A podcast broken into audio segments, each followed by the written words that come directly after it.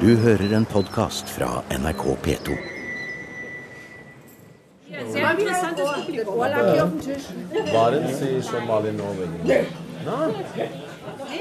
I eimen av stekt gås og eisbein, den berømte kokte svineknoken, diskuterer kvinnene på nabobordet Norge og Skandinavia med historiker Stefan Gammelien.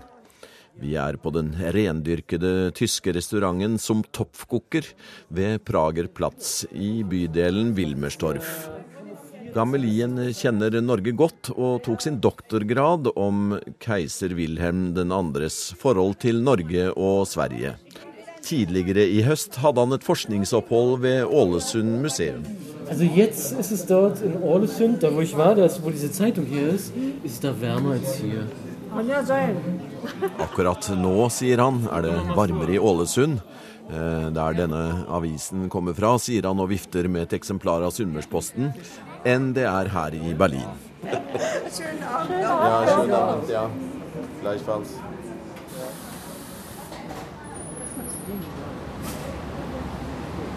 Zug nach Norden-Nordland. Einsteigen bitte. Zurückbleiben bitte.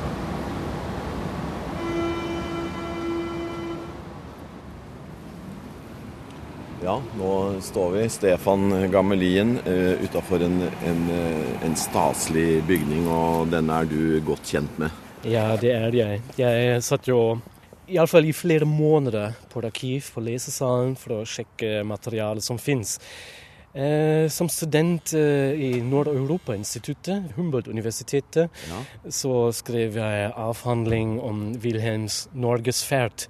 Eh, han gjorde det i perioden 1889 til 1914. Og de har jo mye materiale her, spesielt om reisene. Det faktiske. Hvordan holdt til, Riktig. hvem som var med, Ja. hva de gjorde, hva de foretok seg Ja. osv. Det ligger alt her. I det første programmet om keiser Wilhelm 2.s norgesreiser var vi med forfatter Svein Skottheim til Odda i Hardanger og fulgte i fotsporene til keiseren.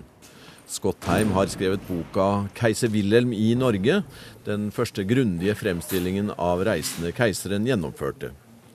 Historiker Stefan Gammelien har vært konsulent for boka og bidratt med et par kapitler i den. Nå er vi i det prøyssiske statsarkivet, som ligger sydvest i den landlige bydelen Dalem. Her oppbevares altså det meste av dokumentasjonen fra keiserens reiser. I museum i dag skal vi også til Kongsnes i Potsdam. Her sørget Wilhelm 2. for å reise et norsk arkitektonisk fotavtrykk. Og vi skal til havnebyen Kiel, hvor keiserskipet Hohenzollern hadde sin hjemmehavn. Men først inn i det ærverdige historiske arkivet. Vi er nå i Konferenzsaal des Geheimen Staatsarchivs Preußischer Kulturbesitz, eine altehrwürdige Institution. Und bei uns ist auch Herr Dr. Frank Althoff, der die Bestände unter anderem des Brandenburg-Preußischen Hausarchivs über die Reisen Repositur 113 in. Herr Althoff, wie viele Bände sind das? Also das sind äh, eine stattliche Anzahl von Bänden. Also es dürften sich um, insgesamt, also auch außerhalb der 113 sich bewegenden, um einige hundert Bände handeln. Einige hundret. Ja. Gammelien eh, forklarer at vi er i konferansesalen i det ærverdige arkivet, og han presenterer dr. Frank Althoff. Han er ansatt ved arkivet og forteller at det er flere hundre bind om keiser Wilhelms reiser her. Reihe von Bänden, aber natürlich weit, bei weitem nicht 100 Bände, 100. En av de historiene som eh, viser hvilket nivå keiser Wilhelms reise befant seg på, er da han under den første turen i 1889 ligger i Sørfjorden eh, ved Odda og skjønner at eh, drikkevarene om bord straks eh, tar eh, slutt. spørsmålet om vin og drikkevarer, eh, som egentlig eh, repeterer et ganske aktuelt mønster i dag av tyske og andre slags turister som kommer til Norge. Eh, bare etter sånn syv-ti dager i Hardangerfjorden så gikk eh, skipet yachten, eh, der alle gjestene befant seg på, og keiseren selvfølgelig, eh, så gikk de tom for alkoholske drikkevarer. Eh, og det er i og for seg morsomt, for eh, Wilhelm selv, han eh, var jo ganske tilbakeholden med å drikke. Ikke avholdsmann, men eh, ganske begrenset. Moderat. Moderat. Men eh, gjestefolket han hadde med seg, de likte det ganske godt å ta seg en dram, en vin. og så eh, For å komme over denne norgesturen, så vil de gjerne ha litt til, takk. Og så da ble det sendt telegram hit til Potsdam, Ja. til Weinkellerei. Altså, de har jo eget lager. Eh, og det fantes det massevis. Og det ble det sendt flere hundre flasker med vin og eh, ganske detaljert liste eh, hva som alt mangles på Hohenzollern da, eh, på dette tidspunkt. Og så ble det sendt med tog til Wilhelmshaven, Ja. mer eller mindre direkte, og keiser Kelledinan, eh, tjeneren, Ja. han måtte følge med. Det er jo kostbart, det. Ja. Og han hadde jo ansvaret med seg. Ja. Eh, og i Wilhelmshaven så gikk man eh, på en aviso, Greif, som det hette, eh, som kunne komme seg inn i Hardangerfjorden fortest mulig. Så det er litt morsom, den historien. Ja. Var det en torpedobåt, eller var det en jager, eller var det Aviso. Aviso-Klassen äh, für, für Schiffe, da haben wir eigentlich ein Nachrichtenboot, nicht wahr? Avis, die Nachricht. Äh, Herr Althoff, können Sie uns da weiterhelfen? Bin ich jetzt wirklich überfragt, Es ist, es ist auf jeden Fall ein Boot, das sehr schnell fahren Ja, kann. 19 knop eh, holdt den en på. Oi, du er bra med dette. det- Fint, det. Så det er ganske fort, Ja. selv i dag. Ja, ja. Det er disse båtene som hadde eh, ansvar for f.eks.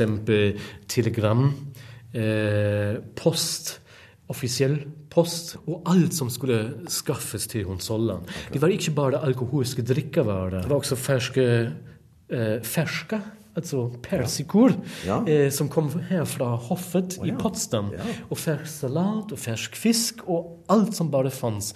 Alt som folk spiste på jakten, måtte skaffes dit. Eh, så- Underveis, altså. ja, ja, underveis, selvfølgelig. De var jo på eh, underveis i fire uker til og med. Så det er ikke bare bra med konserver til Hans, Hans Majestet, så, så det gikk båt mellom Tyskland og de norske fjorder flere ganger under én reise? Ja, ja. Absolut. Äh, ich denke, das ist auch für einen Althof sehr interessant. Äh, diese Reisen dauerten ja, das kürzeste war, glaube ich, zwei, etwas über zwei Wochen und das längste ungefähr vier Wochen. Äh, man wurde also nicht nur mit alkoholischen Waren direkt aus der. Gamelien viser fram bilder som ble tegnet eller malt om bord på Hohenzollern for å skildre livet. Og en av disse tegningene viser postbåten som kommer inn til skutesiden. Jeg ville gjøre deg gjerne oppmerksom på den fine bleiflabben. Ja, Se her. Man kjenner jo litt uh, vannet som renner i munnen min. En wunderbarer Seeteufel. Er schmeckt hervorragend. Museum er i Berlin, og akkurat nå i det prøyssiske statsarkivet sammen med dr. Frank Althoff og historiker Stefan Gamelien. Temaet er norgesreisende og den store norgesinteressen til den siste keiseren i Europa, Wilhelm 2. Ettersom Norge var i union med Sverige, irriterte det kong Oskar 2. at den store tyske keiser brukte så mye tid i Norge. Nå forlater vi det prøyssiske arkivet og begir oss ut i Berlinluften, hvor gammelien utdyper keiserens forhold til unionen. Keiseren var i begynnelsen ikke klar over eh, disse motsetningene, selv om han burde ha visst. For i Utenriksdepartementet, Auswärtiges Amt i Tyskland, var man klar over. Selv om man neglisjerte dette. Men han tjenestegjorde jo to vintre eh, i Auswärtiges Amt, han Wilhelm. Så hvis han hadde lest skikkelig, så måtte han ha oppdaget. Men det gjorde han tydeligvis ikke. Nei. Vi kan dra våre sluttsatser hvorfor, ja. Eh, Det er jo mange som sier at han var ikke egnet til å arbeide skikkelig. Men han var nok eh, Han leser nok en, en stor del, så, han visste en hel del. Kunne til og med opplyse landmennene om moderne jordbruk og alt dette. Så eh, det var nok en del. Så han Wilhelm var ikke klar over da han dro til både Sverige og Norge. Og eh, det medførte også at han bare varslet 'Jeg kommer. Jeg kommer på norgesferie. Jeg ønsker det og det'.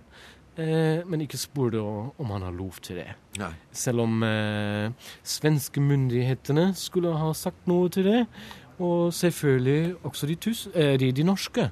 Ja, Det at keiseren kommer på med sin uh, Ja. Hohenzollern opp i Ja, norsk territorium med Ja. militærfartøyet på slep. Ja, ja, Men det gjorde han ikke. Nei. Nei, altså det, det, det- det avspeiler jo maktforholdet. Altså det var ikke nødvendig eh, på, på det reelle plan å spørre om lov. De bare gjorde det. Ja. Men de sa iallfall fra, ja. Ja. At de kommer. Det jeg har lest om, om, om, om keiseren og forholdet til union og på hvilken side han sto, hvis han sto på noen side, det er ikke, det er ikke så lett å tolke. Ja, altså i begynnelsen var det nok helt klart. Han, han syntes eh, nordmennene var sympatiske. Men eh, han som monark holdt jo alltid på den monarkiske siden. Det var jo helt opplagt. Han kjente jo Guds nåde, kongelige kall, eh, som han oppfatter det som. Så var det helt opplagt hvilken side han burde velge. Så det vil si det kongelige, det monarkiske. Han ble gjort oppmerksom på av Oskar 2. at hvis han holder statsbesøk i hele fem dager og eh, kommer med en stor flåte, så, så skaper det nok litt problem for den svenske unionskongen. Og så sa han seg villig til at uh, han skal arbeide for unionens, dvs. Si svenskenes sak, i Norge. Ja, det ble litt brevveksling om dette. Ja. Ja, så det er dokumentert. Eh, ikke bare fra diplomatiet, fra, fra kongen, keiseren selv. Skjønner. Ja. Så ble det knyttenevepolitikken, dvs. Si nedskjæringen til Utenriksdepartementets budsjett og eh, apanasjen til kongehuset. Drastisk. Veldig drastisk. Men du spurte meg om Wilhelm. Altså, Han skiftet jo mening. I første omgang så ville han arbeide for unionen, dvs. Si svenskenes og svenske kongehusens sak. Men, så- Og så kom jeg 1904 med Ålesundsbrannen, og da får vi et ja, mer eller mindre perfekt dømme på den humanitære innsatsen og hans humanitære tenkesettet, Ja. som ble helt spontant å hjelpe på egen bekostnad eh, det brannlitne befolkningen. Så der har vi i løpet av ett år begge to ytterspunktene. Sulte ut nordmennene og ja, skaffe hjelp. Hjelpe dem og redde dem. Ja, redde når de lider nød. Ja. Ja. Vet ikke hvem som kan forklare dette. Altså, det er nok ganske vanskelig. Er, Han er jo splitta personlighet, ja. Men, men eh, hva, hva tror du? Han var for monarkiet, men for Norge. var det mulig på den tida? Nei, praktisk var det nok ikke mulig. Ikke i 1904. Han Christian Michelsen, han var ganske lur, han. Eh, han smikret keiseren. Eh, etter 1904-episoden med hjelpen til Ålesundsbrannen, Ja. så ble han jo veldig kjent. Han fikk 10 000 visse telegrammer og lykkønskninger til fødselsdagen sin fra norsk hold. Fra hele landet, fra Nordkapp til Lindesnes. Eh, og han Christian Michelsen var fra den tida med i ja, bekjentskapskretsen til keiseren. I 1905 så var jo Christian Michelsen mannen i Norge. Mm. Den avgjørende mannen. Um, og uh, da Wilhelm kom på neste besøk etter 1905 Da var han jo i Sverige, selvfølgelig, pga. monarkisk solidaritet osv. Så, videre. eh, så styrket han keiserens oppfatning at det var han som fikk nordmennene å beholde dynastiet, altså monarkiet. Eh, de fikk jo nytt dynasti, ja, eh, men for å gå inn for monarkiet. At det var keiserens innflytelse. Og da kjente han så smikret. Så det skrev han også ned i sine memoarer på slutten av 20-tallet. Så drøyt 20 år senere. Så det var nok en luring, han. Men det var ikke så veldig vanskelig å lure han Wilhelm, ja.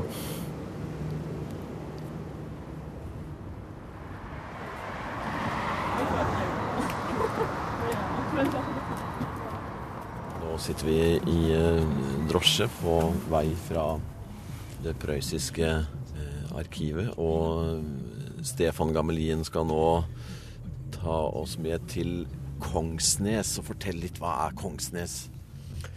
Kongsnes er en gammel tomt eh, av de prøyssiske konger.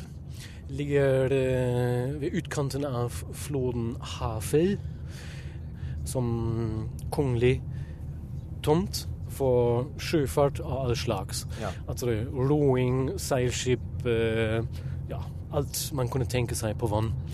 Etter den andre norgesferden som Wilhelm foretok seg, det vil si den eh, statsbesøk som han avla i 1890 i Kristiania, så ble han oppmerksom på Frognersetet, Holmenkollen, Ja. Sankthanshaugen. Akkurat her gjør vi et hopp til Norge og lar forfatter Svein Skottheim skildre keiserens eneste offisielle besøk i Kristiania i 1890, hvor han altså fikk ideen til Kongsnes i Potsdam, eh, som vi egentlig er på vei til nå. Da fikk han så mye oppmerksomhet, og Norge og Norge som nasjon og nordmenn, at kong Oskar sa at dette ville ikke ha noe eh, mer av. Så han kom aldri tilbake til Kristiania, verken som keiser eller privatmann. Det var det nedlagt forbud mot. Ja, Det her var eh, sommeren 1890. Ja. Og det var jo gjort kjent på forhånd, og da sto det jo folk Altså Kong Oskar sa jo på Slottet i Oslo da, eller Kristiania, at 10% av det norske folk var møtt fram for å ta imot han. På det tidspunkt så var det to millioner mennesker i Norge. Kanskje var det så mange som 200 000 mennesker som sto langs fjorden, Oslofjorden innover. På brygger og i hager og hus og trær overalt. Enkelte steder i Drøbak så sto de visst i fire og fem rekker bakover. Og har stått der i timevis for å se denne keiserbåten da, og alle krigsskipene som kom i lang rekke bak. Men Oskar 2., som jo eh, styrte unionen, han, eh, han, han likte det ikke, men det hadde jo et ordentlig offisielt preg. Ja da, det var i aller høyeste grad et offisielt besøk, og det var jo middag på Slott. Og det var bygget opp store paviljonger og velkomstbrygger. Og han ble jo tatt imot av eh, ja, notabiliteten i Oslo fra øverste hold. Så, så det var det ikke noe eh, tvil om. Men eh, problemet var jo at han kom til Norge og snakket om nordmenn. Og han hadde til og med en norsk admiralsuniform som han hadde fått i gave, gave fra kong Oskar. Og han satt mellom to norske dignitærer der og snakket om Norge. Og dette irriterte jo kong Oskar selvfølgelig veldig. da.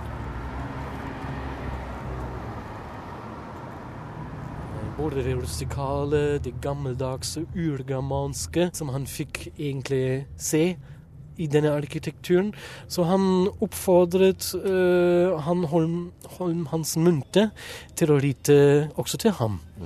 Og da ble det uh, jaktslåss, dvs. Si, uh, et keiserlig tomt i Øst-Prøysen, altså langt unna fra Berlin, flere hundre kilometer. Og da ble det bygget eh, et stort areal med bare stavkirke eh, og massevis bygninger i dragestil. Eh, og her, der vi kjører dit nå, da ble det Kongsnes som ble, ble kalt. Så eh, i årene i 1891 til 95 så ble Kongsnes reist der nede i Potsdam Schwanallee vi kommer til å kjøre nå. Zugangsbeschränkt vorne, ne? also man kommt mit dem Auto durch. Das ist ein Denkmalschutz, nicht wahr? Diese Häuser hier auch, nicht wahr? Das ganze Areal. Hele området er freda. Ja, det Ja. er det. Det er det. Selv om det ikke ser sånn ut her nå Nei. innendørs, men Men, eh, utendørs det er- det er jo- det ganske greit. Det er jo ofte bedre at det ikke er gjort for mye òg, da. Eine komplette Wohnung war das hier. Ja. Lafting, det her. Zugangsbeschränkt lafting, ja. Det er å lafte tømmer er å den laftinga her er jo veldig den, den er jo veldig ren og fin. Stokkene er jo så ve yeah. veldig yeah. jevne i, i forhold til yeah. det man kan se i. Norge. Det har sikkert kosta en del, Mm. det her også. Ja, men der kan du være viss på at uh, keiseren uh, ville ikke spare på det. Nei, han hadde, penger, han hadde mye penger. Ja da, han var Tysklands rikeste i den tida, ja. Og eh, hvis vi tar f.eks. eksempel Ålesundsbrannen og, og hjelpeinnsatsen der, så var det nok hans egne penger, ja. Men han hadde ikke vanskeligheter med å få seg noe. Altså Det var jo apanasje. Altså Det var jo alle tyske borgere som fikk betale for det. Eh, innenfor kropp og Se her. andre. Hopperstad stavkirke i Sogn. Det her har vært en utstilling her, da. Antagelig. Marshall og så er det stavkirken i Lom. Morsomt. Men du, her er jo bilder av alle stav, detaljer fra alle stavkirkene i, i Norge omtrent. Her er det Borg, Vi har jo flere bilder her som vi ikke ser nå. ja, Her har Borgund, vi Urnes. Reinli Urnes. Det er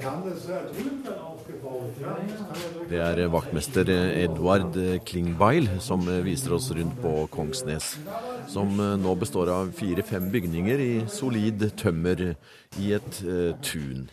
Innvendig er det rønnaktig, men eh, lite fuktighet og råte. Nå skjer det imidlertid noe. Kongsnes skal endelig restaureres.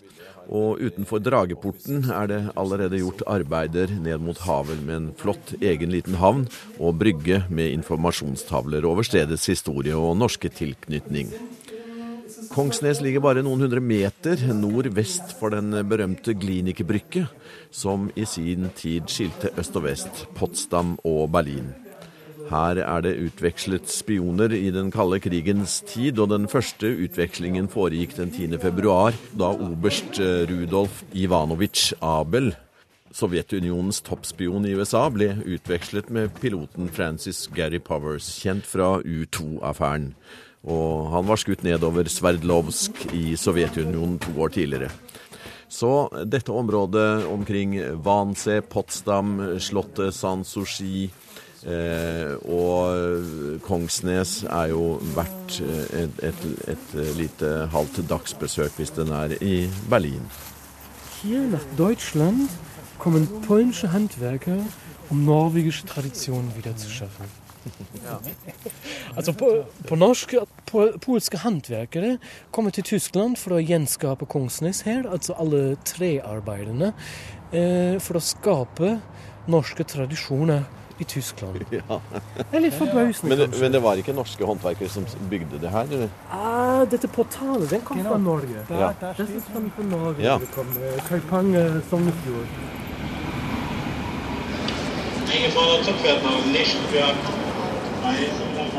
Siste etappe i dette andre programmet i museum om keiser Wilhelm 2.s norgesreiser går til havnebyen Kiel.